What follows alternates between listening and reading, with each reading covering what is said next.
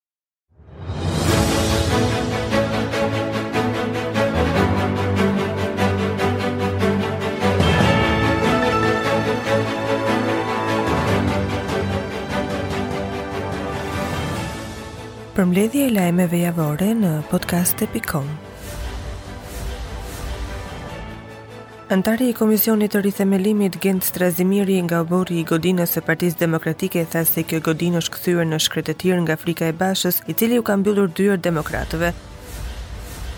Në lagjen Pavarësia para pallatit të tij dyshohet se është plagosur në dorë me armë zjarri shtetasi Diego Hanaj 36 vjeç, i cili ndodhet jashtë rrezikut për jetën në spitalin e Vlorës. Grupi i policisë u ndodh në vendngjarje dhe po punon për sqarimin e rrethanave të ngjarjes.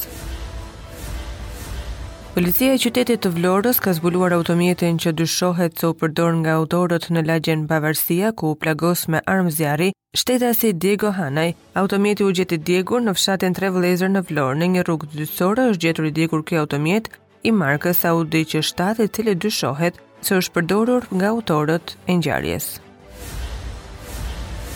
Dyert e Partisë Demokratike kanë qëndruar të mbyllura për mbështetësit e Sali Berishës, ndërkohë që Komisioni i Rithemelimit me në krye Flamur Nokën ka tentuar të hapin çdo derë, por e kanë gjetur atë të mbyllur. E njëjta situatë ka ndodhur me Aldo Bumçin, Gent Strazimirin dhe Ivi Kason.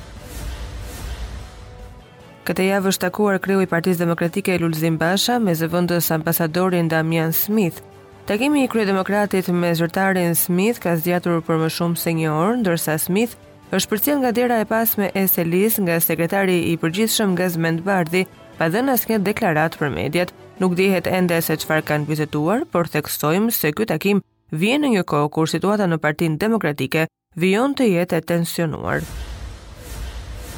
Nga qyteti i Fierit, ish kryeministri Sali Berisha ka lëshuar akuza ndaj Lulzim Bashës, ndër të tjera Berisha ka thënë se Basha e ka mbyllur Partinë Demokratike ashtu si degët e punëve të brendshme në kohën e monizmit. Një grup të rinjsh kanë shkuar në Selinë Blu me shpresën për të hyrë në ambientet e partisë për të zhvilluar një mbledhje, por sërish janë hasur me dyer të mbyllura. Ata e cilësojnë këtë një veprim të turpshëm duke e cilësuar Një mbyllje dyersh për mendimin ndryshe. Është hapur pediatria e re në QSUT, një investim i qeverisë shqiptare i standardeve europiane, pjesë e investimeve për modernizimin e qendrës më të madhe spitalore në vend. Ministrja e Shëndetësisë dhe Mbrojtjes Sociale Ogerta Manastirliu tha se ky investim hap një kapitull të ri për shërbimet e kujdesit shëndetësor për fëmijët në nivel kombëtar. Kryeministri Edi Rama ka marrë fjalën në përurimin e pediatrisë së re, ku tha ndër të tjera se QSUT është kompleksi më modern në Ballkan. Rama argumentoi këtë konstatim në faktin se këto investime që po bëhen tani duke lënë në hije Shumë spitale në Europë të ndërtuara shumë vite më parë.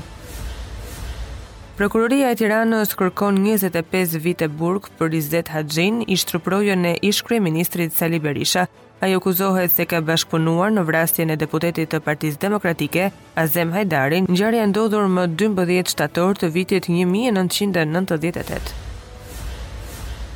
Një pesëdhjetë e gjashtë vjeçare pronare e një agjencie udhëtimi në Durrës ka rënë në prangat e policisë pasi akuzohet se ka kryer falsifikim të testeve të COVID-19 në emër të një klinike në Tiranë. Mësohet se në pranga ka rënë Ariana Reçi, ndërsa policia bën me dije se ka nisur hetimet edhe për dy udhëtarët të cilët tentuan të kalonin kufirin për në Itali me teste të falsifikuara nga Reçi. Dy të rinj janë shpallur në kërkim nga policia e Tiranës pasi akuzohen për një vjedhje ku kanë grabitur lekë, euro, pound dhe flori. Bëhet me dije se policia ka shpallur në kërkim shtetasin Lefter Dauti, 36 vjeç banues në Tiranë, dhe Qemile Hakorja, 26 vjeçe banuese në Peshkopi. Një fëmijë tre vjeçar është dërguar pa shenja jete në spitalin e Fierit, referuar njoftimit zyrtar të policisë, bëhet me dije se i mituri ka qenë në një kopësht privat dhe aty ka humbur jetën. Shkaqet e ngjarjes së rëndë nuk dihen ende, ndërkohë që grupi hetimor po punon për zbardhjen e saj. Paraprakisht bëhet me dije se vogëlushi është dërguar në spitalin e Fierit nga edukatoret, por ka mbërritur atje pa shenja jete. Nuk dihet ende se çfarë i ka shkaktuar vdekjen atij, por në qafë tre vjeçari ka patur shenja. Një 29 vjeçar ka humbur jetën në aksin Shkodër-Velipojë pasi makina tip fuoristradë me të cilën ai udhëtonte ka përfunduar në kanal. Viktima është identifikuar si shtetasi Isa Kotri, 29 vjeç.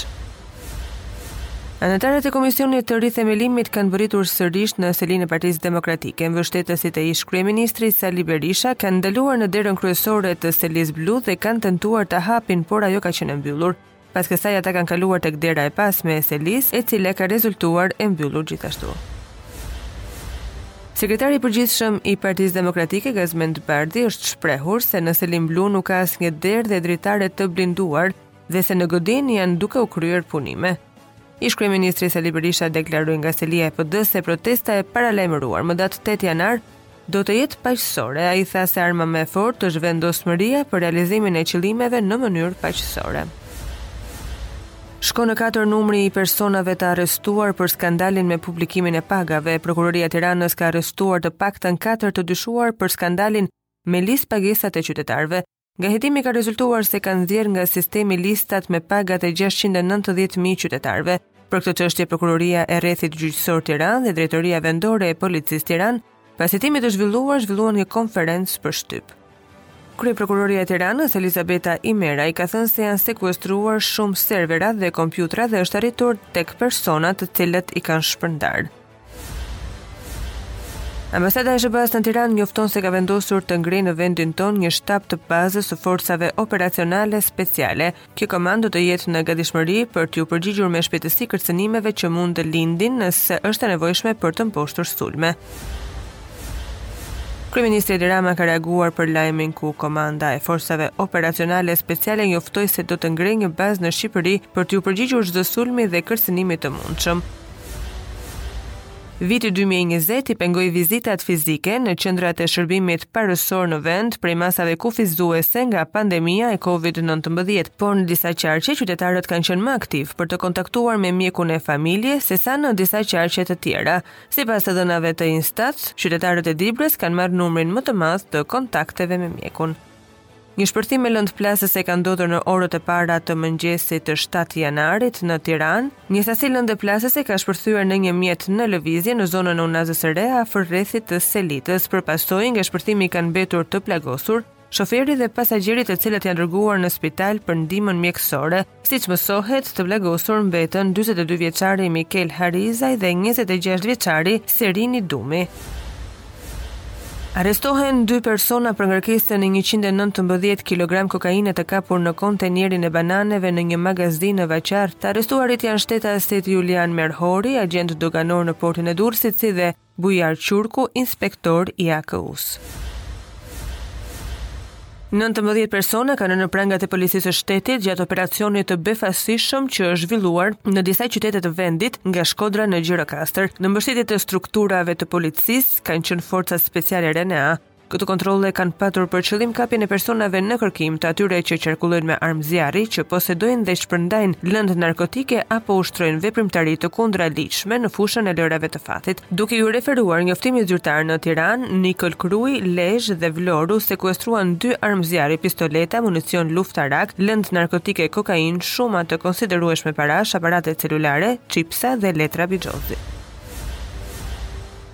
Pak përpara orës dymbëdhjetë, orë e caktuar nga përkrahësit e Berishës për fillimin e protestës në selinë e Partisë Demokratike është regjistruar dhe përplasja e parë. Anëtari i kësaj force politike, Roland Bejko, është sharë dhe penguar për të hyrë në selinë e PD-së nga mbështetës të ish-kryeministrit Sali Berisha që kanë nisur të grumbullohen në seli. Sapo ka dalë nga shtëpia për t'iu bashkuar protestës në selinë e Partisë Demokratike, Sali Berisha u ka bërë thirrje protestuesve për vetëpërmbajtje, ndërsa ka shtuar se PD do të kthehet në shtëpinë e demokratëve.